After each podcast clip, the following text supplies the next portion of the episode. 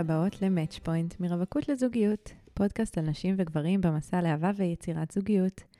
אני ליטל רוטמן, מאמנת לאהבה, זוגיות ומערכות יחסים. בפודקאסט אני משוחחת עם נשים וגברים שמשתפים ומשתפות את סיפורי הדרך שלהם, וביחד אנחנו מזקקות כלים וטיפים מעשיים להתנהלות מיטיבה בתוך הג'ונגל של העולם הדיגיטלי ובכלל במסע הזה לאהבה. אם אתם מכירות את הפודקאסט, מכירים ואוהבים אותו ונתרמתם, וזה נגע בכם, וחושבים שאולי זה גם יכול לגעת במישהו או מישהי שאתם מכירים, אז בבקשה, אתם מוזמנות, מוזמנים לחלוק אותו, לשתף אותו ברשתות, בוואטסאפים, אמ, לדרג את הפודקאסט כדי שיגיעו לעוד אנשים, שיגיע לעוד אנשים, אה, וכמובן שאם אתם משתפים ברשתות, אז תדייגו אותי, שאני אדע, וגם תספרו לי מה חשבתם, זה, זה תמיד... ממש נוגע לי ונעים לי בלב וגורם לי לרצות להמשיך עם הדבר הזה. אה, זהו. היום נמצאת איתי לירון חייק מעוז. היי. היי, בוקר טוב. בוקר, צהריים טובים ללירון, איזה כיף שבאת. איזה כיף להיות כאן, תודה שהזמן, תודה שפניתי. כן, לירון פנתה, אולי תכף נספר. קודם אני רוצה להציג אותך. לירון בת 38. מחבר את הספר גרושה בלי בושה. זה ספר שמתבסס על הטורים שלה במעריב אונליין, טורים שלירון כותבת כבר שש שנים. היום היא נשואה בפרק ב' פלוס שתיים. אכן. ומי שמכיר את הפודקאסט כבר בטח מזהה שלפי שם הפרק, יומנה של גרושה, שמדובר בפורמט שכבר עשיתי בעבר. מי שלא מכיר מוזמן לדפדף אה, ולהציץ בפרקים שבעיניי הם מעולים. אה, הפרק עם אלון, יומנו של רווק, או הפרק עם שירה, יומנה של רווקה. אה, והנה לנו יומנה של גרושה, פשוט כי זה התבקש כשנחשפתי לטקסטים שלירון כתבה בשש שנים האחרונות. אז בפרק הזה אנחנו נקריא ציטוטים מתוך הטורים הנפלאים שהיא כתבה ואנחנו נדבר עליהם. השתדלתי לבחור ציטוטים שידברו לכל מי שחווה או חווה את המסע הזה, בין אם הוא רווק, רווקה, גרוש, גרושה, עם או בלי ילדים, אה, ולא היה קשה למצוא ציטוטים טובים. הכתיבה של לירון אה, ממש אה, חודרת לתוך העומק של החוויה האנושית הזאת, שהיא תודה. גם... כן, חוויה שהיא כואבת, היא שמחה, היא עצובה, היא מרגשת, היא המון דברים, ו... ולכן יש לי הרגשה שהולך להיות פרק טוב. אני גם חושבת לגמרי. יש לי הרגשה ממש טובה ואני איתך. איזה כיף. אז לירון באמת פנתה אליי אחרי שהיא נחשפה לפרק עם אלון. נכון. ו... ואמרה לי שהיא כותבת. ואפילו שהיום היא בזוגיות פרק ב' מאושרת, שזה גם מתאים לפורמט הרגיל של הפודקאסט, לא יכולתי שלא לקחת אותך לתוך הפורמט של היומנה של. כמובן. אה, בואי ספרי קצת על עצמך, מה את עושה בימים אלה. בשמחה. אז uh, כמו שאמרת, אני, אני לירון, אני כותבת במעריב אונליין כבר uh, שש שנים. אני למעשה כותבת מאז שאני זוכרת את עצמי. הכתיבה היא באמת משהו שהוא חלק אינטגרלי ממני, מהחיים שלי. אפילו הייתי מגדילה להגיד ואומרת שזה ממש טיפולי, זה ממש ביבלותרפיה, טיפול באמצעות כתיבה, ככה זה היה מגיל צעיר, דרך שירים שהתחלתי, והתגלגל הטור. Mm-hmm. אז אני אה, אימא לאילי, אריה, ולאורי, שנולדה לפני כחמישה חודשים, אני כרגע בחופשת לידה. מזל טוב. תודה. חופשה זה כמובן, אה, תלוי את מי שואלים, mm-hmm. שעומדת להסתיים, ואני הולכת לחזור לעבודתי כאחראית מדיה חברתית. אמ, ואני נשואה באושר גדול לליאור, בעלי, בן זוגי. אה, וזהו בגדול. אוקיי. אני יכולה עוד לספר שעות, אני פשוט אה, מתחשבת במאזינים. אוקיי, אז נראה לי זה סבבה, זה כזה בסיס טוב אה, לצלול פנימה לתוך הציטוטים. ויש לי פה ציטוט ראשון. את רוצה להתחיל להקריא או אני? אני אתחיל, בסדר. יאללה, אז לכי על זה. בסדר גמור. משהו בתמימות שלו גרם לי לאבד את תמימותי לחלוטין. משהו בטוב ליבו של הילה הביא אותי להבין שכבר לא טוב לי. רצונו לחקור את עולמו הביא אותי לחקור את עולמי עמוקות. הבנתי שאני יוצאת למסע חיי. להציל את בני שלי מהורים שלא מסתדרים במינוח הדין. שלא רק שהפסיקו לאהוב זו את זה, אלא התחילו לפתח שנאה ביחסים שלהם. הבנתי כי אני יוצאת להילחם בתחנת רוח כנגד משפחה משני הצדדים, שתאמר לי שזו רק תקופה וצריך להיכנס לשגרה. אבל סירבתי להיכנס לשגרה עקובה מכאב הזו. רציתי לבנות שגרה חדשה לילד מאושר, שיהנה מאימא מאושרת שהולכת בעקבות הלב שלה. אז הרמתי את הכפפה ועשיתי זאת. בפעם הבאה שיגידו לי, כולם עוברים את זה, כבר ידעתי מה תהיה התשובה. אני לא כמו כולם. וואו. כן, ממש וואו, כי זה מה שנקרא ההתחלה של הסוף, או כבר הסוף. אה, של פרק א'. כן, זה משהו... אני מניחה שאנשים לא מגיעים, את יודעת, לא קמים אה, בוקר אחד ואומרים, אוקיי, אני הולך לסיים את המערכת יחסים. לא משנה אם זה נישואים, כל שכן שזה נישואים ויש ילד וזה זוג צעיר בתחילת דרכו. כן. אבל זה משהו שהתבשל אה, הרבה זמן. גם המשפטים האלה זה משהו שהתבשל הרבה זמן. אחד הדברים שליוו אותי עם עצמי בתהליך הזה. כל הזמן אמרתי לעצמי שאם אני לבד בה ביחד, עדיף להיות לבד בה לבד. Mm-hmm. ובסופו של דבר, לקח לי זמן, אה, מה שנקרא, להרים את הדגל ולעשות את זה. זה אף פעם לא פשוט, אה, ואף פעם לא עושים את זה בשמחה גדולה ובעליצות, אבל עושים כשמחליטים. Mm-hmm. וכמובן, אה, הרעיון והכוונה הייתה לעשות את זה במינימום כאב, במינימום פגיעות של כל המעורבים. אה, וזהו, זה תמיד יצבוט לי הציטוט הזה מהטור הזה, אני ממש כן. זוכרת. כן. זה כואב, זה, בסוף, זה, זה פרידה. נכון. זה איפשהו...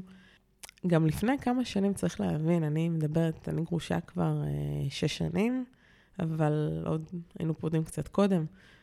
השנים שעברו, זה שנים שהעניין של גירושים כבר הפך להיות איפשהו קביל ומקובל. ברור שכל דור עושה את הקפיצת מדרגה, אבל גם מה שכביכול זה היה משהו שמדברים עליו ומשהו שהוא בסדר, והתחילו לבצבץ קבוצות בפייסבוק, אז האינסטגרם לא, עוד לא היה כזה חזק. Uh, היו כל מיני קבוצות של uh, גרושים, גרושות ונהנים עם ירקות, כל, מיני. אני מגזימה, אבל uh, זו הייתה הכוונה. עדיין הסתכלו על זה בהרמת גבה, בטח אה, כשיש תינוק בבית. כן. אז אה, בגלל זה אני אומרת שזה אף פעם לא... לא נכנסים לתהליך הזה באושר גדול. ברור. גירושים מדורג. לדעתי, אם אני זוכרת נכון את המחקרים, מקום שני בחוויות חיים טראומטיות שבן אדם עובר, שמקום ראשון זה מוות של בן או בת זוג, ומקום שני זה גירושים. נכון. לפני הרבה אירועים טראומטיים אחרים שעוברים. זה, זה אירוע משברי מאוד מאוד גדול. נכון. ובאמת מעורבים פה המון המון גורמים, כמו שאת מתארת, שזה ה... הילד והמשפחות משני הצדדים, נכון. ו- ולעשות מהלך כזה, ואת כותבת פה על רעשי הרקע. נכון. אני לא כמו כולם. איזשהו חיבור עצמי במקום הזה, ש... שמשם הוא יוצא לדרך, מתוך איזשהו חיבור עצמי עמוק. זה, זה ה vibe שקיבלתי פה, אממ. שזה יכאב, זה כואב, זה, זה, זה איזשהו ניפוץ החלום. נכון, אתה איפשהו מרגיש כישלון, חד משמעית, ודובר על זה רבות, אבל once זה באמת החוויה שלך, זה, זה שובר, חד משמעית, וגם כמו כולם הזה, זה משהו שהם מנסים, את יודעת, אני חושבת, דורות על גבי דורות מנסים להבין מה זה כמו כולם או לא כמו כולם, כי מצד אחד יש רצון מאוד להיות כמו כולם ולעשות דברים כמו כולם, וכן ללכת לפי הספר שלו, ברור מי כתב אותו, שמישהו כן. יגיד לי מי כתב את הספר הזה. מה זה הספר הזה? נכון, אבל uh, מצד שני אתה רוצה להיות שונה וייחודי, ואתה לא רוצה בהכרח שהשונות או הייחודיות שלך יהיו בסטטוס שלך. ו... וזהו, וזה מה שקרה לי, כי המון שנים הייתי הכי כמו שצריך. כן. במרכאות, או שלא במרכאות, אבל uh, כן. באיזה גיל התחתנת בפעם הראשונה? Uh, קרוב לגיל 28, שזה mm-hmm. מה שנקרא גיל סביר לכל הדעות, אחרי זוגיות uh, ארוכה. כן. אבל שוב, היום אין באמת גיל ואין באמת הנקודה הזאת ששמים על הסרגל ואומרים, הנה זה קורה. כן. Uh, ולכן, להבדיל, אני עושה רגע קפיצה, אני חושבת שבפרק ב', או בבחירה הנוספת, לא משנה איך יקראו לזה, אז uh, אנשים באים לא ממקום של, אוקיי, אני צריך לעשות את זה כי הייתי בזוגיות, uh, ואני צריך כבר את הדבר הרשמי, או שההורים יהיו מרוצים, או שהסביבה תהיה מרוצה.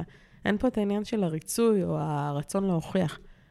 נורא בא לך בפרק ב' להגיד, קיבינימט, אני רוצה להוכיח לעצמי, וזהו. Mm-hmm. ואני רוצה לקום בבוקר ולהגיד, תודה לאל על מה שיש, ו... וזהו. ש... זה, זה מילים שאני שומעת הרבה בסיפורי פרק ב', ואני חושבת שזה יהיה מעניין להבין איך אפשר לקחת את התובנות פרק ב' האלה וליישם אותם גם למאזיני אה, ומחפשי פרק א', כאילו ה...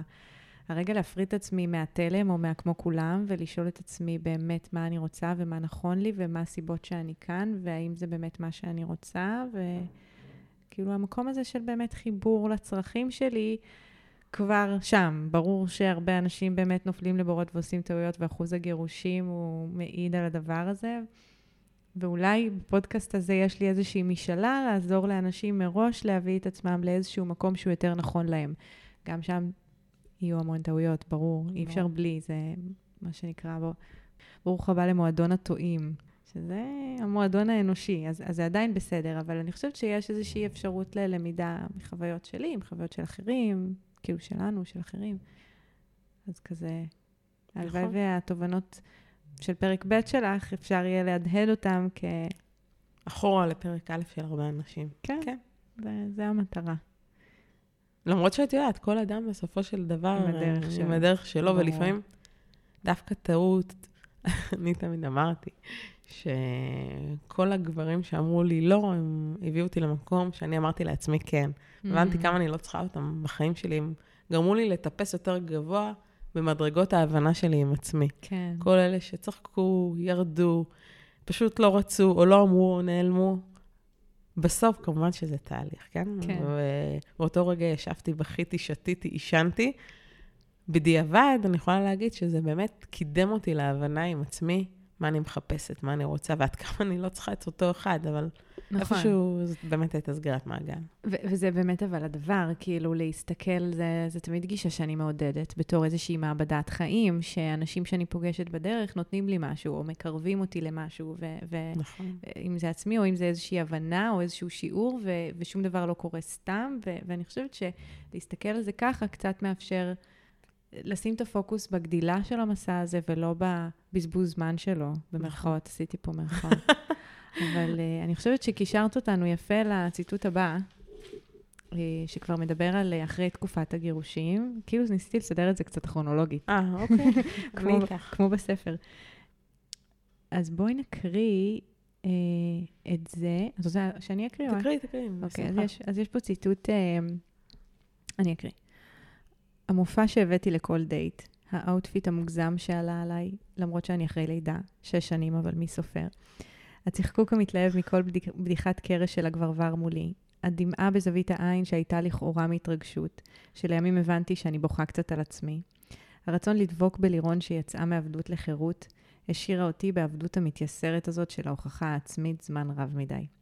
הכמיהה לאהבה, אף על פי שאינני בטוחה אם אני בכלל רוצה את הגבר המיוזע והנואם מולי, הביאה אותי לתובנה שאני צריכה להבין אם בכלל בא לי עליו לפני שהון רוממותו שערות בתחת שם עליי את הסטמפה של שווה פרוטה. אני רגע עוצרת כאן. שזה קטע, את- יש לך כתיבה כזאת, היא לא מתייפייפת בעליל, והתייפייפתי באיך שתיארתי אותה, נכון? לא, זה, זה, אתה, זה, זה מצחיק. זה מצחיק אה, לשמוע שאת יודעת, כשאת שומעת שמישהו מקריא את זה, זה גם נשמע, זה, זה טוב. זה, כן. לא חשבתי שזה ככה מצחיק שכתבתי, פשוט, את יודעת, יריתי את זה החוצה. אז מה, מה אנחנו פוגשות בו? איך זה מתקשר בדיוק למה שדיברנו? אותה נקודה ש... שחוזרת אה, על עצמה. אה, הרי יש עניין שיוצאים לדייטים, יש כזה טקס, נכון? שאנחנו מאוד אוהבות כנשים, אני מניחה שגם אה, כגברים, לא יודעת, אף פעם לא הייתי גבר, אבל אני... יש איזה קטע שיוצאים לדייט גם כשזה הפך או הופך להיות אה, סוג של עבודה נוספת. לא יודעת אם מועדפת או לא, אבל סוג של עבודה כן. נוספת. אה, שמתגנדרים וחושבים מה ללבוש ומה לאכול. אני במקרה שלי תמיד הייתי צריכה לחשוב מה לאכול ומה אני אוכל בדייט עצמו ומה לשתות או לא לשתות, כדי כן להראות שאני מגניבה או לא להראות שאני מגניבה, או שבעצם האלכוהול יגרום לי טיפה להשתחרר. אה, ותמיד זה היה מה הוא יחשוב עליי. כאילו, כן. אני אשכרה עשיתי אה, briefing של מסע יחסי ציבור מול המראה.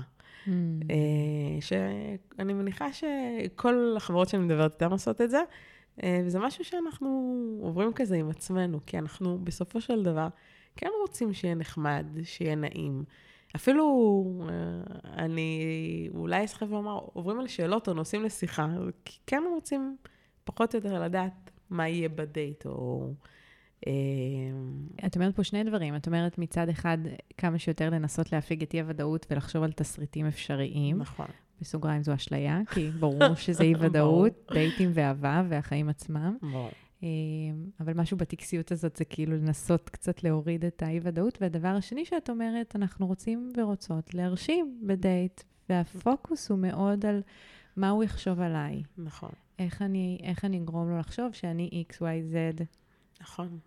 ו, ואז את עוד אומרת פה בטקסט, ש, שהיית יותר מדי זמן בהוכחה העצמית הזאת, זאת אומרת שהפוקוס לא היה במקום הנכון. נכון. זה. לקח לי שנים להבין את זה, זה הזיה שאני אומרת את זה, אבל אני חושבת, דיברת על העניין הזה מקודם, של השלבים, שפרידה ממישהו אהוב, שמישהו נפטר זה הכי קשה, והדבר השני זה גירושים, אז באמת יש פה את העניין של השלבים של האבל שעברתי mm-hmm. עם עצמי, ואני חושבת שהרבה אנשים שעוברים גירושים באמת עוברים את השלבים האלה של האבל. אה, ואז במקרה שלי זה באמת אה, היה למצוא חן, לנטרל את הפאקים, את הדברים הלא טובים, שחלק מזה, unfortunately, אני חייבת להגיד, זה איך הסתכלו עליי, שאני כבר אימא. אה, האם זה, זה, כמובן שזה יתרון, אבל רגע, אולי זה חיסרון בעיני גברים מסוימים, כי רגע, יש ילד, ו, והגברים הרי, שהם בעצמם הרי ילדים איפשהו, mm-hmm. ישר חושבים אה, כמה צעדים קדימה, איך אני יכול לגדל לילד שלו שלי. אז פן אחד זה הילד, אבל עליו אני לא אשים את כל המשקל. מצד שני, יש אותי, איך אני נראית, איך אני נשמעת, מי אני בכלל. הוא יאהב את מה שהוא רואה. רגע, בוא נחשוב מה אני אלבש שיראה יותר טוב או פחות טוב, אה, ועל מה אני אדבר. זה, זה, זה היה פשוט מתיש. באתי לדייטים מותשת מלכתחילה, והייתי מסיימת דייטים ולא מבינה, כאילו, איך זה עוד פעם קורה? כן. מה, מה עוד פעם קרה? ולימים באמת, אז זה היה שלוש שנים, אבל באמת הייתי צריכה את הזמן התבשלות הזה, ואת ההבנה, ואת ההכרה, וקצת להעלות את הביטחון העצמי, כדי להבין, רגע, אני בכלל לא הייתי מבושלת כל הדרך הזאת, כל התקופה הזאת. האינטרסים שלי או המטרות שלי היו במקומות לא נכונים בכלל. כן. מעניין, מה שבעצם הוביל עוד פעם את הפוקוס למה הוא יחשוב עליי ואיך הוא יראה אותי, ולא ו... בכלל מה אני חושבת עליו, נכון. והאם הוא מתאים לי, נכון. אלא איזושהי אני מניחה שזה מגיע מה, מהדברים שאת אומרת, מאיזשהו ניסיון להרכיב את עצמך מחדש כזה, דרך המראות שאת מקבלת מהסביבה, ולכן מאוד חשוב להשתקף שם טוב, אבל once, אני חושבת, אולי מגיעים לאיזה מקום טוב עם עצמנו, אפשר רגע להיזכר שהפוקוס בכלל צריך להיות ב... מה אני מרגישה פה. נכון. לא רק מה הוא מרגיש ואיך הוא רואה אותי, אלא מה אני מרגישה. אני רוצה להיות פה, איך אני רואה אותו, איך אני רואה אותי איתו. נכון, את, את לגמרי צודקת. וזה באמת אה, פוקוס שקצת הולך לאיבוד אה, בתוך ה... בתוך הדבר הזה. הטרלול הזה. זה... נכון. זה... זה לקחת, את יודעת, כל הקטע הזה של דייטים, זה באמת לקחת סיטואציה מאוד לא טבעית, כן? כן? לא סתם קוראים לזה הרבה אנשים רעיון. כן. זה לקחת סיטואציה לא טבעית בין שני אנשים ש... על פי רוב לא מכירים, או מכירים uh, מאפליקציה, או אחרי ש... מספר שיטוטים אומרים, אה, אוקיי, יש לי כמה חברים משותפים בפייסבוק, אה, הוא איפשהו הגיב באינסטגרם לאיזה מכר שלי. אין פה באמת היכרות, ו... וכל הסיטואציה הלא טבעית, אני גם הייתי עושה מעין תחקיר באמת מתוך המקום הזה ברשתות, ל... לראות למי הוא מקושר, על מנת... אפרופו לה... הפגת אי-ודאות. נכון, היום אומרים ש... שקראתי פעם משפט, אה, גם באיזה כתבה, ש... שאומרים שהיום ללכת לדייט בלי לעבור קודם בסושיאל מדיה, זה כמו ללכת לראיון בלי קורות חיים. זה בדיוק ככה. זה בדיוק, את יודעת גם... זה לא בהכרח מה שנכון, זה, זה לא פשוט מה. שקורה. Uh, וכן, uh, וזה איפשהו בניית הביטחון העצמי מחדש. העניין הזה של שהוא יגיד קודם. אני קודם רוצה שהוא יגיד את הכן, ואחרי זה אני אגיד. כאילו ש... הכי קל זה שהוא יגיד לי לא, ואז אין מה לשבור את הראש. כן. אבל בשלב שבונים את הביטחון, אז יש איזה צורך, אה, איזו הזדקקות לאישור חיצוני, שהוא יגיד כן. נכון. וכשאת עושה את העבודה עם עצמך, כשאני עושה את העבודה עם עצמי, אז אולי אני יכולה פחות ופחות להיות תלויה באישור החיצוני הזה, ויותר ויותר להביא את עצמי כמו שאני, כי בסוף זה מי שצריך להיות בתוך המערכת יחסים הזאת, לא שלל מסכות ותדמיות, אלא אני. ו- והעבודה במסע הזה זה איך כל הזמן לחזור להתמרכז ולחזור להיות אני ובטוחה במה שאני, שזה בכלל לא רק דברים יפים ומפונפנים, זה גם הרבה הרבה משקעים ושריטות וחולשות, וגם מלא דברים יפים. אבל, אבל זו העבודה. נכון. אה, וזו התנועה, וזה כל הזמן קדימה אחורה. יש לי עוד ציטוט פה על, ה, על המורכבות הזאתי, פלוס הקטע של הילד. אה, אני מאוד אוהבת את הטקסט הזה. רשמתי חובה לידו, להקריא אותו. רוצה להקריא? כן. יאללה. מעניין למה את צוחקת. וואי, זה... את רואה את זה ב... אני, להגיד עכשיו למה אני צוחקת? אה, או אחרי, מה שאת חושבת. אוקיי, אז אחרי אני, אני אספר. אוקיי. אנחנו צריכים לעלות שלב, זה כבר לא דייטים ראשונים, אנחנו זוג, ומתישהו בקרוב כבר נצטרך לעבור לגור יחד. ואני לא יודע איך אני הולך לגדל ילד לא שלי. דממה. התקרה נשארה במקומה. העיראקי החביר ורעד, לקח את ידיי ואחז בהם. חייכתי, כאבתי וגייסתי את כל הבגרות שהייתה לי באותו רגע. נגעתי לו בלב, הוא היה על 200 קמ"ש. הכל בסדר, אני מבינה, עניתי לו. זה לא פשוט. תוך כדי שאני משכנעת אותו, אני משכנעת גם את עצמי, מנסה להבין למה נכנסנו לרכבת ההרים הזאת מלכתחילה. אתה מבין, זה כמו שאגיד לך שאתה מטר שבעים וחמש ולא מטר תשעים. זה מצב נתון. יש בזה יתרונות ענקיים. אתה רצית מישהי שבשלה לאימהות. ואז לקחתי נשימה עמוקה ועצרתי את עצמי. אמרתי לו, אני לא משכנעת. אם אתה מעדיף להעלים את כל הטוב הזה וללכת אל הלא נודע, למצוא את הרווקה ללא ילדים המיוחלת, אני נותנת לך את ברכת הדרך. באמת, אני רוצה שתהיה מאושר. הוא הסתכל עליי בהלם, אני הסתכלתי על עצמי בהלם. מה קורה כאן? מתי התבגרתי? אני אשכרה משחרר את הגבר הראשון הרציני שהיה לי אחרי שלוש שנות גירושים. האחד שהייתי מוכנה לעבור דרך הרבנות, הרבנות שוב עבורו, כי רצה להתחתן כדת משה וישראל. וואו עליי. הוא נשק אותי כמו, כמו נותן חנינה לכאב. הוא לא הפסיק לחבק אותי ולגעת בי, ואמר לי, אני צריך לטפל בעצמי. ואני לראשונה בחיי הבנתי שאני לא צריכה לטפל בעצמי. סוף סוף. אני החלמתי ממחלת ההוכחה, הצדקנות. טוב, אני... זה... הדבר הזה גרם לי, לאחר הבחור הזה הכרתי את ליאור. אז uh, כשאמרתי מקודם שכל גבר קירב אותי לעצמי, או קירב אותי למטרה הבאה, לאחריו הכרתי את ליאור, ממש זמן לא רב אחר, אחר הפרידה הזאת. אה, אז אני, אני איפשהו מודה לו, זה היה מאוד קשה. זה היה כבר שלב שאמרתי, די, אין לי כוח, אין לי סבלנות, כאילו, די. הבנו, נכנסת לזה, אתה בן 40 פלוס, ידעת לאן אתה נכנס. ואז רגע עצרתי ואמרתי, אוקיי, בסדר.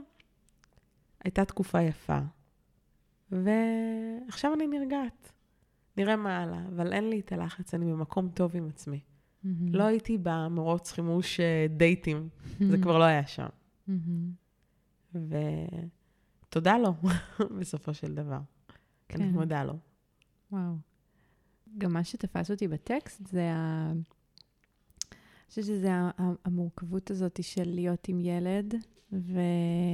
ומה את פוגשת כשאת uh, עם ילד בתוך המסע הזה, וזה דבר אחד, שאני אשמח לשמוע קצת מה, מה יש לך להגיד על זה. והדבר השני, זה ה... התחלתי לנסות לשכנע, ואז עצרתי ואמרתי, אני משחררת. נכון. אה, איזה מקום בריא זה, אפרופו להגיד לו תודה, אבל, אבל גם להגיד לעצמך. נכון. של להבין של... כאילו, גם אם את אוהבת מישהו, לשחרר אותו, אולי זה הדבר הנכון, עם כל הכאב וכל הקושי, ובאמת לימים התגלה שזה הדבר הנכון, אבל לעצור את ה... את המרוץ חימוש הזה, כמו שאמרת, כן. את העיקר להצליח, והעיקר נכון. להיות, והעיקר זוגיות, ובלי רגע לשאול את עצמי ואותו ואותנו, אם זה באמת נכון לנו, ופה היה איזשהו קושי, לפי מה שאני מבינה, סביב הילד. נכון. קודם כל, הבן שלי זו המתנה הכי גדולה שקיבלתי כן, בחיים. כן, שלא נגדיר אותו בקושי, חס וחלילה. לא, בדיוק. לא לזה התכוונתי. לא, לא, ברור. כן. רק חשוב לי לציין את זה, כי... ברור. זה משהו שבאמת אה, גרם לי להבין מה אני רוצה מהחיים שלי. אומרים שכל ילד אה, מביא איתו את הברכה. וכמו כל דבר בחיים, לפעמים לוקח זמן להבין, או לרדת לעומק הרעיון, או בכלל להפנים איפה, מה, כמה, למה. וכשנפרדנו, חברות שלי אמרו לי, איזה כיף לך, את במצב הכי טוב שיכול להיות, התגרשת ויש לך ילד. הייתי נפרדת, עוד לא התגרשתי, הייתי בת 31 עם תינוק בבית. והם אמרו, אין לך בעצם את הלחץ הזה להספיק, ולא הבנתי מה הן רוצות. עד עד אשר הגיעו הדייטים. אה, לקח זמן עד, עד שהם הגיעו. ואני באמת התייחסתי לזה כ, כיתרון אה, גדול, שאני יחסית אימא צעירה, ובטח בחיים התל אביביים, שעבדתי פה, ואחרי זה גם גרתי בסמוך, אז אמרתי, זה המקום הכי טוב שאפשר להיות. יש לי ילד ואני מוכנה לזוגיות. כאילו זה טוב מהמקום של אין את הלחץ הביולוגי? כן, mm. שאין את הלחץ הביולוגי. אה, הרבה גברים אמרו לי שאני עדיפה על הרווקות, אותה 37, 8, mm-hmm. 6, שוב, תלוי, כי הייתי... כי כשהתחלתי לצאת לדייטים הייתי בת 33 אה, פלוס אה, ילד, כבר שהוא בן 3, אבל כשאני נפגשתי עם זה, ונפגשתי עם זה כל הזמן, אז זה היה, שוב, זה נורא תלוי על מי נפלתי, אם זה היה גרוש עם או גרוש בלי, אגב, גרוש בלי זה כמו רווק, על פניו, אבל הוא יותר מבושל אולי לזוגיות. והוא ו... גם יותר מצולק אולי. הוא יותר מצולק, והוא יכול אולי להבין אותי. אגב, אחד הדברים שבן זוגי, בעלי, אמר לי, כששאלתי אותו, זה, אגב, זה היה deal breaker, הייתי באיזשהו מקום, הייתי, התחלתי לשאול את זה בדייטים. אה, מה אתה צריך לצאת עם גרושה פלוס ילד? אממ. זה היה הדגל שהנפתי כל הזמן, כאילו, בוא נשחרר את הדייט הזה עוד לפני שהוא התחיל. אממ. זה איפשהו היה כאילו להוריד מעצמי את האחריות, כאילו להתמודד עם זה ישר כאן ועכשיו, אם אתה רוצה, תגיד, ובוא נסיים עם זה. Mm-hmm. או נמשיך. או נמשיך. או נמשיך וניפרד אחרי חודשיים, כאילו לא ידעת שיש לי ילד מעולם. כן. ולמשל ליאור, זה אחד הדברים שהוא אמר לי, אני יצאתי עם רווקות שלא בשלות, ומה יצא לי מזה? שום דבר. אמ, שלא בשלות לזוגיות. שלא בשלות mm-hmm. לזוגיות, ודווקא מהמקום של הגרושה פלוס, שרוצה עוד ילדים, רציתי להגדיל את המשפחה, אז זה, זה מקום אחר. זה, זה מקום שהוא טוב. שוב, אה, היה טוב לליאור לשמחתי ולמזלי. אה, אבל... אה, אבל כל הזמן היה איזשהו מתח בין האם זה טוב, האם זה לא טוב. כן, כל הזמן, כי...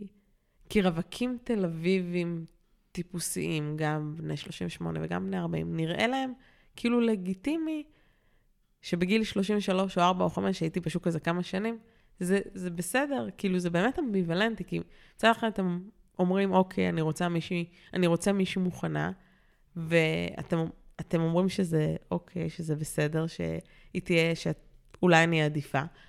הגרושה עם הילד, אבל שיודעת מה היא רוצה מהחיים שלה, והיא אימא, אז אני כבר, א', יודע איך את נראית אחרי לידה, ב', אני רואה איזה אימא, נניח, מצד אחד, בהנחה שמצאתי חן בעיני אותו גבר. מצד שני, לא, לא, לא, לא, לא, זה גדול עליי. אני לא יכול לגדל ילד שלא שלי, אבל מי ביקש שתגדל? בשום שלב לא דיברנו על גידול, לא פגשת.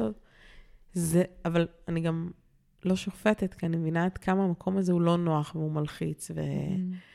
וגם אני שיצאתי עם uh, גרושים עם uh, ילדים, היה בזה אתגר. שוב, זה לא האריך uh, ימים, אבל בהחלט שהיה בזה אתגר. אני לא יכולה לבוא ולהגיד, אין בזה שום דבר וזה walking in the park, זה לא. Uh, אז כן, זה תמיד, זה, זה משהו שתמיד שמתי על השולחן עוד לפני הדייט, כבר מהמם. בהתכתבות, זה היה לי. מאוד חשוב. וזה אפילו, אפילו הפיל אה, דייטים, זאת אומרת, ושמחתי על כך. בעצם יצאת לדייטים גם עם רווקים וגם עם, אה, עם גרושים ללא, שזה כמו רווקים אמרנו, וגם עם גרושים פלוס. הכל בא בחשבון. כן, לא עצרתי, לא, לא הגבלתי את עצמי. כן, ואת אומרת שזה משהו שהנחת, למדת אולי להניח מראש אה, על השולחן, כאיזשהו פילטר ראשוני, שלא תמיד עבד, אבל כאיזשהו כן, פילטר. זה היה מ-day one. זה אה, מ-day one. מ-day one, כן. אני אפילו לא חיכיתי ל... זה היה לי ברור, אני פה לא משחקת משחקים. חוץ כן. מזה שאפשר כמובן לראות אה, ברשתות, אבל לא היה לי פה מה להסתיר, הייתי כל כך גאה בזה. כן. זה, זה מי שאני, זה, זה מי שאני. זה מהמם. אני, אני תוהה אם יש באמת גרושות פלוס שדווקא נורא מפחדות מהקטע הזה, ואומרות שאולי זה, זה מוציא אותי לשוק סחורה פחות אטרקטיבית, ואת בעצם אומרת שיצאת עם זה דווקא מאוד אטרקטיבי. אה, הנה, אתה יודע עליי מלא דברים, אה, אני סופר מוכנה, אני עדיין רוצה להגדיל את המשפחה, אני פחות בלחץ, כאילו לקחת את זה למקומות אה, אדפטיביים כאלה. נכון. זה, זה, זה מראה כמה זה באמת עניין של פרספקטיבה. נכון.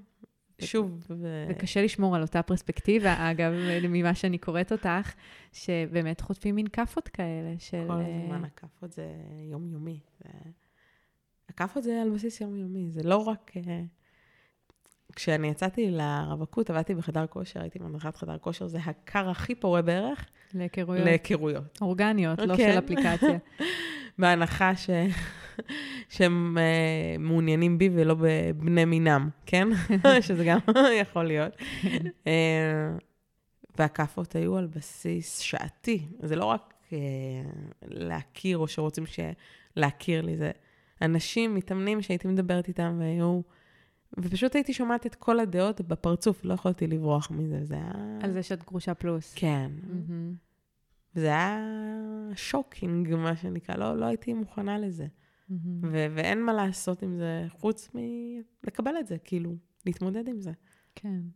ואני תמיד אומרת, it is what it is, זה הכל, זה, זה המצב. ו- ודווקא לגרושות, אם, אני חייבת להגיד, תזקפו חזה, תטפחו לעצמכם על השכם, כאילו, בזכות ולא בחסד, באמת.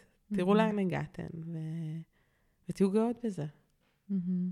תזכורת חשובה. נכון. לא מעט רוצים להיות הורים, ולא תמיד מסתדר, ובכלל, הדרך להורות היא לא קלה. גם מניסיון, אני אומרת. ו... וזה ברכה, זה באמת ברכה, וככה צריך אה, לקחת את זה. כן, איזה יופי. אז יש פה עוד איזה שני ציטוטים שתהיתי אם, אה, אם להקריא גם על, עוד פעם על המורכבות הזאת. קצת דיברת על זה עכשיו, אז אולי נדלג על זה, על מה קורה כשאני פוגשת אה, רווק, ומה קורה כשאני פוגשת גרוש עם, ואנחנו כבר אה, רצים ועושים שידוך בין הילדים, ו- אה, ואם הסדרי הראייה שלנו שונים, אז דפדפו הלאה, אין לזה סיכוי, כאילו, זה נחמד. זה, אני, אני לא חושבת שנקריא את זה עכשיו, כי אנחנו לא נספיק את הכל, אבל באמת למי שמתעניין, אז יש לך שם איזשהו טור שהוא כמו מדריך ל... לגרוש. לגרוש המתחיל, כן. כן. אמ, אולי את זה כן נקריא. כן, אולי נקריא את זה. אם הגבר או האישה שהכרתם רווקים או גרושים ללא ילדים, אז בכלל זכיתם בפיס. אין מהמורה, כביכול. אתם מקבלים אותה טבולה ראסה. אה, שכחתי רק פרט קטן. השאלה איך אתם תיתפסו בעיניהם הרווקיות. גם כאן שני צדדים למטבע. במידה והרווקים או הגרושים ללא, הינם בעלי פתיחות מחשבתית וממש צמאים לזוגיות, הם ישכילו לראות איזה הורים נפלאים אתם. כאשר את אישה שנראית טוב אחרי לידה, הקהל המוזכר לעיל עוד יגדיל לעשות ולומר שיש בכך יתרון ענק לראות אותך אחרי לידה, וכך הוא לא מרגיש שמכרו לו חתול בשק. במידה והם רוצים אתכם מיובאים חדש מהניילונים, ללא עבר הורי, כי זה סך הכל הגיוני שבגיל 34 תהיו בהכרח רווקים, היות ואתם גרים בעיר הגדולה, דפדפו הלאה. אין מה לנסות לשכנע. חבל על הפגישה המהנה עד מאוד. כי באופן מדהים, גם אחרי שני בקבוקי גבורץ, עשרה ג'וינטים שרצו במהלך הערב וסקס בלתי נשכח, שגם בערוץ אגו כבר גנזו, אתם עדיין נשארים הורים. את מצחיקה. כן, אני... אני בעיקר את עצמי. לא, גם אותי. זה, כן? זה כתוב כאילו קליל ומשועשע, אבל זה מדבר על, את יודעת, על איזשהו כאב מאוד מאוד עמוק, ואיזשהו חוויות קשות כאלה של, אני מניחה שזה טקסט שנכתב בעקבות אותן כאפות שאת מתארת, של אה, איזושהי נכון. ציפייה שתהיי בגיל 34 ללא ילדים, נכון. בעיר הגדולה, שזה לגיטימי. אה, ואם את פתאום עם ילד, אז, אה, אז זה נורא מוזר, יש לך עבר הורי. אז נכון. אולי את לא מתאימה. אמ, המקום הזה של איך תתפסו בעיניהם, נכון. זה קצת ככה מה שדיברנו, ש... שתפס אותי פה במקום המורכב שלו. במיליון דברים ש... ש... ש... שרצים שם, שאולי הופכים את זה ל- לתהליך יותר מורכב, אולי, בטוח, כן. מהמסע לזוגיות אה, ללא ילדים. כן, אגב, יש לי כוכבית. באמת, ה- הגרושים אה, ללא ילדים זה, זה ב- מעין אה, מעמד ביניים כזה. הם אה, אוכלוסייה מאוד אה, מעניינת ומאתגרת כשלעצמה, כי הם כאילו נורא רוצים פרק ב', שוב, כמובן מניסיוני, נורא בשלים להורות, נורא על פניו, על פי מה שהם מצהירים, לא אכפת להם שיש לך ילדים מפרק א', אבל הם, הם אוכלים תסביך עם עצמם כל הזמן. יום א' מתעוררים ככה, כן. יום ג' ככה, זה כאילו... כן. ואז את, את מרגישה שאת בעצמך משנה, מעדכנת גרסה כל הזמן עם עצמך, את כבר לא יודעת uh, מה, מי מו, אבל את לא באמת יכולה לעדכן גרסה, זאת את, אז... Uh, כן. זה, זה מעניין מה שאת אומרת. את יודעת, אנחנו רק מפרשות ומניחות הנחות גנריות, כי כן. כל אדם לגופו, אבל לגמרי. יש, כאילו מצד אחד מסתכלים על גרוש, גרושה ללא ילדים, כרווק או רווקה, אבל יש שם איזשהו, דיברנו על שברון החלום הזה, נכון. יש שם איזושהי צלקת של עשינו חתונה, כבר הצהרנו, כבר אמרנו, זה פרידה היא פרידה היא כואבת. נכון. אבל אחרי שעשיתם את החתונה ואת כל הזה, להיפרד, יש שם איזה משבר עמוק כזה, משבר אמונה כזה, שמכניס שם איזה צלקת קצת יותר עמוקה בכל הנוגע למוסד הזה. נכון. ואולי, אני, אני עוד פעם מניחה, מפרשת פה פרשנות אחת, יכול לתרום לאי-יציבות הזאת סביב מה מתאים לי, מה אני רוצה, מתי אני רוצה, איך אני רוצה. ו... כאילו הבלבול הוא גדול, נכון. זה, חתיכת מסע. חד משמעית. זה, את יודעת, זה גם... את מנסה כל הזמן להיות עם אפס שיפוטיות כן. כלפי הצד שמולך. כי את אומרת, כל הזמן שופטים אותי, אז מה, אני עכשיו אה, אשפוט? אבל כן, אני רוצה לשפוט, תנו לי לשפוט. אז אני כל הזמן אה, נשפטת. זה, זה... את יודעת, שום דבר הוא לא אקסיומה, ואין לזה משהו מוכח אה, מדעית. יש כמה דברים שמוכחים מדעית, סבבה, אבל בסוף ביום-יום, בהתנהלות, את אומרת, די, שחררו אותי מכל התפיסות, שחררו אותי מהדברים שגדלתם עליהם, שחררו אותי מהמשפחות שלכם. ש... אה, זה כמו ש... אפרופו סיפורים, שאחד המתונדרים שלי אמר לי, אוקיי, עכשיו אני רוצה להכיר אותך למשפחה. כאילו, וואו, זכית בלוטו, קיבלת את הגביע הקדוש, יאללה, עופי על זה. אבל אני בכלל לא רוצה להכיר, הוצאת לי את המיץ, אני לא מעוניינת כבר. גמרת אותי נפשית עם כל התהליך הזה, שלא היית סגור על עצמך. אז מה עוזר לי להכיר עכשיו את המשפחה? לא, אני לא שם. פספסת. Hmm. אז אה, כן, אומרים הרבה שזה, שמזל זה ראשי תיבות של מקום זמן להיות. אני... לא הכרתי את זה. אני... נחמד. כן, אולי איפשהו כן. אז מה בעצם את אומרת? בגדול, בכלל, אני חושבת שלכבד את המשפחה ובאמת ללכת על אה, פרדיגמות שגדלת עליהן זה מדהים ונפלא. אה, אבל כשזה נוגע לחיים שלך, בטח בזוגיות, אתה צריך לעשות מה ש... מה זה מה שטוב לך? מה שבאמת מרגיש לך נכון אחרי כל הדברים שעברת. אנחנו לא מדברים על uh, גברים ונשים שהם בשנות ה-20, שהם בתחילת הדרך, שהם יכולים עוד ליפול ולטעות ולקום ולהכיר. באמת, בשלב הזה שאתה כבר יותר מבושל לקראת סוף גיל ה-30, uh, תחילת שנות ה-40, שאתה כבר יודע מה אתה רוצה או קרוב ללדעת. הרי בואי, אף אחד לא באמת יודע מה יקרה לו בחיי הנישואים ובחיי המשפחה. אתה מקווה לעשות הכי טוב שלך ומקווה שזה יהיה לנצח. וזאת השאיפה, לשם אתה חותר. אתה לא יודע מעכשיו מה יקרה עוד שנה, לצערנו, אין לנו את הכוחות האלה. אה, אבל אני חושבת שאם אתה כבר מגיע למצב הזה של, אה, שאתה מאוד רוצה זוגיות, אגב, לא משנה באמת אם היא פרק א' או פרק ב', אתה כבר מרגיש שזה מאוד נכון לך ואתה מאוד שם. תהיה עם עצמך, תתכנס פנימה, באמת תנסה כמה שאתה יכול לנטרל רעשי רקע. כי את ו... אומרת, כשאמרת בהתחלה שאנשים רוצים לכבד את המשפחה, זאת אומרת, בניסיון שלך זה נפל... אני חושבת שכן. על... הרבה, הרבה פעמים כן. על כאילו דין וחשבון לאנשים, מהמקום שלך כ... אני, אני מביא גרושה עם ילד הביתה, אז, כן. אז זה לא ייראה טוב, אז, כן. אז, אז בגלל זה את אומרת את זה. זה ניסיתי להבין מאיפה זה מגיע. בוודאי. כן. של כאילו, את ואתה אומרת, תן דין וחשבון רק לעצמך, וזה מתוך הניסיון שלך, שזה נפל על הדברים האלה. זה נפל, ו- וזה בסדר גמור. אני לא כעסתי, התאכזבתי, התבאסתי, כן, מאוד אולי. Mm-hmm. תמיד עברה בי מחשבה, וואלה, אם הם היו מכירים אותי, מה הם היו אומרים? הם בטח, כנראה שהייתי שוברת להם איזה סטיגמה אחת או שתיים. כן. בואי, בגלל שהסטטיסטיקה בארץ של הגירושים, גם בכלל בעולם, אבל ספציפית בישראל, היא באמת אחת לשניים, אז כבר זה לא איזה כבשה שחורה, זה לא איזה טאבו, יאללה, זה, זה כבר לא משנה. שחררו. באמת שחררו, תתקדמו. אנחנו ב-2022. כן, מעניין. אני חושבת שהרבה אנשים באמת נופלים למקום של רעשי הרקע, והרבה גם אה, פשוט נמצאים, אם דיברנו קודם על ביטחון עצמי, הרבה נמצאים במקום שאין מספיק ביטחון עצמי בשביל לא לתלות את הערך העצמי שלי במי שעומד לצידי. נכון. במה זה אומר עליי, אם אני בזוגיות עם גרושה פלוס ילד, ו...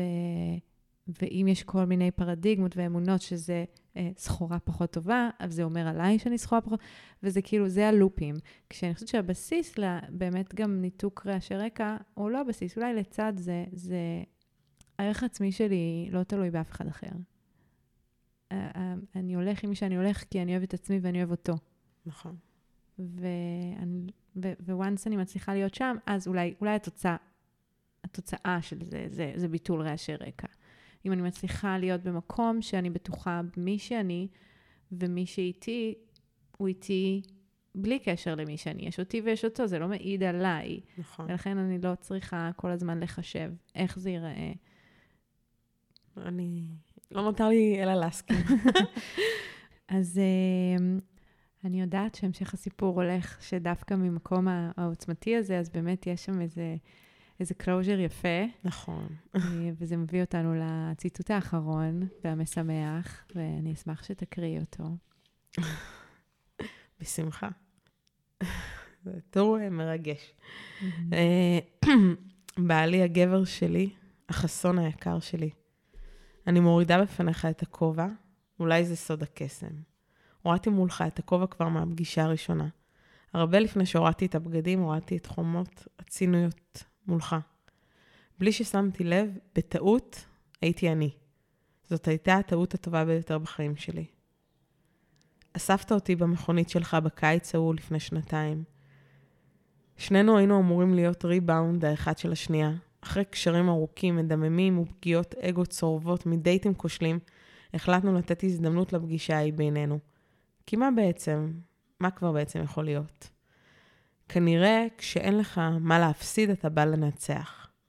כבר כשנכנסתי לאוטו ונשקתי לך על הלחי, ידעתי שאתה מוצא חן בעיניי. עברו עוד כמה שעות וייבושים קלים מצדך במהלך אותו ערב, עד שהבנתי שאני חייבת לפגוש אותך שוב. לא ידעתי איך ולמה. היו לשנינו מטעני נפץ כבדים מנשוא, והיינו צריכים חבלן של סבלנות וכנות שיפרק אותם לאט-לאט. אשקר אם אומר שהיה פשוט או קל. התחלה מסחררת, מבטיחה, כפי שחלמתי כל השנים, גרמה לי לפחד שזה טוב מדי. ואז החלו פחדיך, וידענו שאנו צריכים לגרש את השדים הרעים שהקיפו אותנו במחשבה. מרגש כי, כאילו אני התרגשתי, אבל בואי נשמע. כי זה בא לי.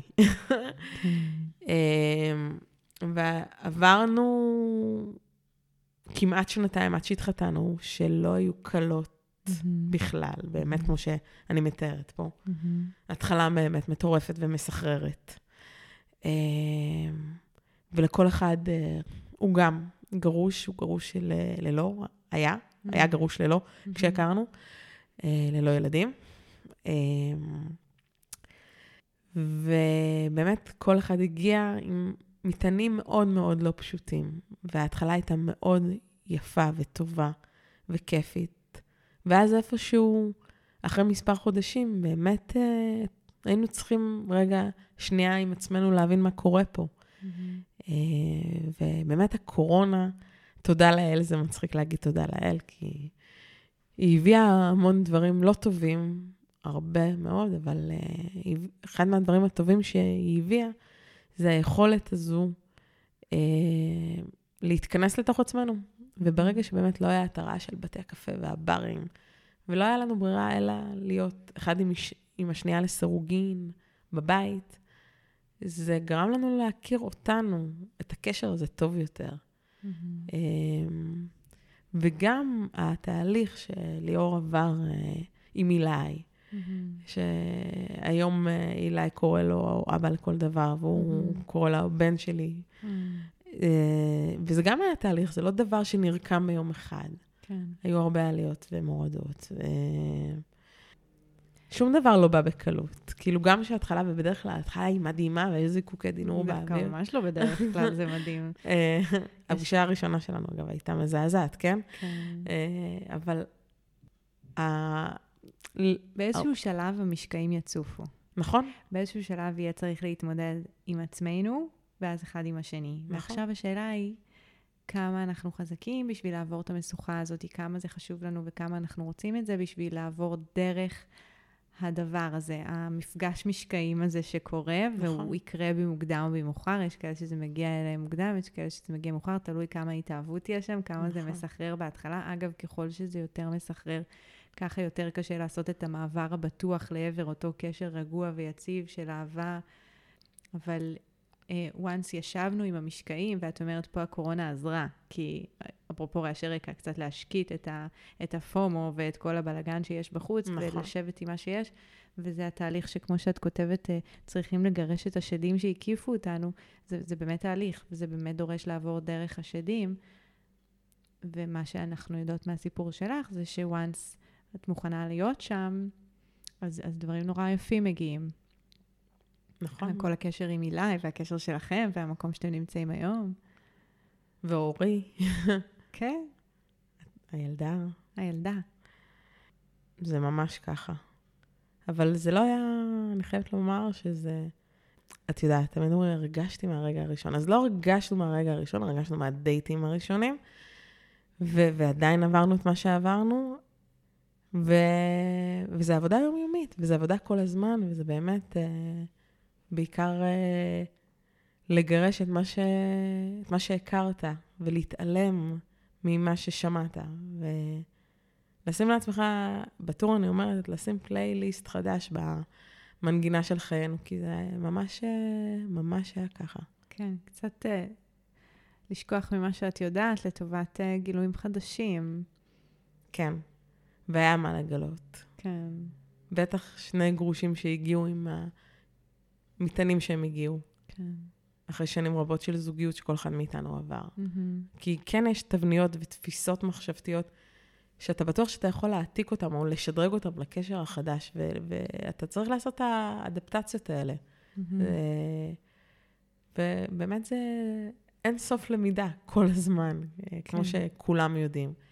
ו- כל אה, פרק וכל מערכת יחסים, זה פשוט לא להפסיק ללמוד, ולא רק אה, אחד עם השני, אלא באמת שתהיה את היכולת פרגון הזאת, שכל אחד יכול לראות את הצד השני ולרצות שהשני יצליח. Mm-hmm. ולתת לו את הזמן ולתת את הברכה, וזה זה מה שזה.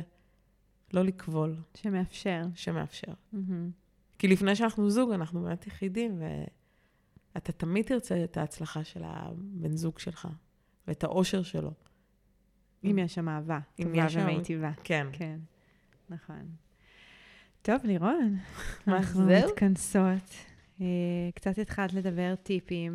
אז אולי באמת אה, ככה לסיום, איזשהו טיפ שהיית נותנת לאנשים שעכשיו נמצאים איפה שאת היית, לא כזה מזמן, אה, ובא לך ככה לפרגן להם, במה עזר לך?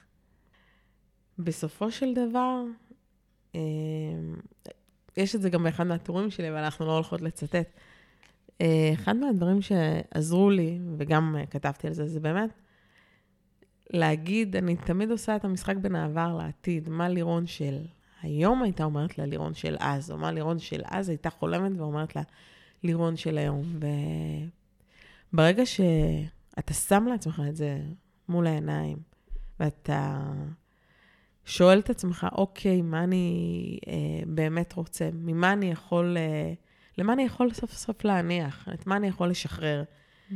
אה, אני חושבת שברגע שאתה לא מצפה כל הזמן לחיזוקים מהסביבה, שימחאו לך כפיים, אני כותבת את זה גם בטור,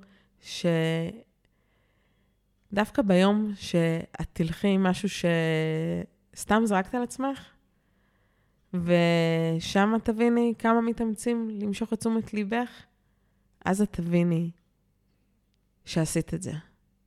כאילו זה מקום שאת חוזרת אליו הרבה, שבעצם את אומרת, אני חושבת שזה חזר הרבה בשיחה שלנו, להניח בצד את הצורך להרשים ולרצות את כל האנשים מסביב, או את כל מיני דברים שאנחנו חושבים שאנשים מסביב רוצים, להניח את זה בצד, לנסות כמה שיותר לנוע לעבר האני הטבעי הזה, ולנוע לעבר השלום עם נכון. האני הטבעי הזה, ואיזה יופי זה כשאני יוצאת עם האני הזה לעולם, בלי ניסיונות להוכיח, להרשים, שוב, דברים שחזרו הרבה לאורך השעה הזאת, שם קורים דברים אותנטיים ויפים גם. נכון. את, בטקסט הזה, אני יודעת על איזה טקסט את, מקבל, אה, את מדברת. את כתבת שם, אם יהיו ימים שבהם תלכי ברחוב עם משהו שסתם זרקת על עצמך, דווקא שם תביני כמה מתאמצים למשוך את תשומת הלב שלך. כן. דווקא כשאת את, דווקא כשאת מחוברת לעצמך, ואת בטבעי שלך, את הכי יפה. נכון. שזה כאילו קלישאה מטורפת. אבל זה כל כך אה, נכון. אגב, אה, אם, אני תמיד אמרתי ואני אומרת שאם אה, צריך ללכת לטיפול, גם אני הלכתי ודיברתי, צריך לדבר עם אנשים מקצועיים כדי שייתנו לך או לך את הכלים האלה. כדי לחזק את עצמך, עזבי זוגיות, הרי את בונה את עצמך לפני שאת בונה זוגיות. Mm-hmm. הרי גם ככה אנחנו כולנו שרוטים עם שריטות בשאסי, אז, ואנחנו באים עם השריטות ובאים עם המטענים, ועוד יהיה לנו כל כך הרבה עם מה להתמודד, אבל אם יש לך את החיזוקית הזאת, שאת מצליחה להגיע לטפל בעצמך, בשיחות או בכל דרך שאת מוצאת לנכון, אז וואו, אז תעוף, תעופי על זה, תעשו את זה. כן. זה... בעצם קודם אנחנו והזוגיות. כאילו, קודם אני. אני חושבת שיש פה איזה מסר של להבין שלהגיע לאיזה מקום טוב עם עצמי יאפשר לי להגיע, ואני תמיד אומרת את זה, יאפשר לי להגיע יותר טובה לזוגיות. נכון. ו- וזה התהליך שאת עברת לאורך השנים, נשמע, ו- והיה לך מזל. איך אמרת שזה? מקום? מקום זמן להיות. זה לא המצאה שלי, כן? כן. אני השאלתי את זה. כן. אה, פגשת בטיימינג הנכון את ליאור, אחרי שעשית את הדרך הזאת, אני מניחה שגם הוא עשה את הדרך שלו, וזה לא אומר שהעבודה נגמרת. לא, העבודה היא כל הזמן. אבל אה, הייתה שם דרך. כן. ושיתפת אותה במשך שש שנים בטור שלך, ושיתפת אותה עכשיו איתנו, ותודה על זה. תודה לך, איזה היה, כיף. היה ממש כיף לארח אותך פה. כיף שבאתי, כיף שפניתי אליי. כיף שהתחלתי איתך. אמרנו כשנפגשנו שזה מרגיש שאנחנו מכירות שנים, אולי... לגמרי. אולי זה השורשים החיפה, הקריות שם, אבל... נכון, uh... כל הטובים מהצפון. אבל היה נורא כיף להקליט איתך את הפרק. אם מישהו או מישהי ירצו למצוא משהו, שאת, את החומרים שלך, דברים שאת כותבת, אה, הספר, או בכלל לפנות אלייך, לשאול שאלה, אם תסכימי להגיד בשמחה. משהו, אז, אז איך עושים את זה? אז uh, פייסבוק, uh, לירון מעוז חייק, אינסטגרם גם לירון מעוז חייק. Uh, תעשו גוגל, לירון מעוז חייק, או לירון מעוז, או לירון חייק מעוז, כל וריאציה אפשרית. אולי נשים גם לינקים פשוט. כן, נשים גם... אה, וככה אפשר גם להגיע לטורים, נכון? אפשר להגיע לטורים, הספר בקרוב מאוד uh, יהיה בחוץ, הוא כבר uh, בשלבי הדפסה מתקדמים. איזה כיף. תוכלו גם uh, לרכוש אותו. מרגש. כן, מאוד. אז כדאי לעקוב. כדאי. עוד תשמעו עליי. איזה מתוקה את, לירון. היה אה, את נהדר. מקסימה, היה ממש כיף, תודה, תודה, תודה. בשמחה. אז אני ככה לקראת סיום מזכירה שאם אתם התחברתם ואהבתם את מה ששמעתם וחושבים שזה גם י... אחרים שאתם מכירים יוכלו לאהוב את זה, אז, אז תשתפו וגם תשתפו אותי ואת לירון, איפה הפרק הזה פגש אתכן. אנחנו נשמח. אשמח מאוד. זהו, אני ליטל רוטמן, אני עושה את הפודקאסט הזה ונתראה בפעם הבאה.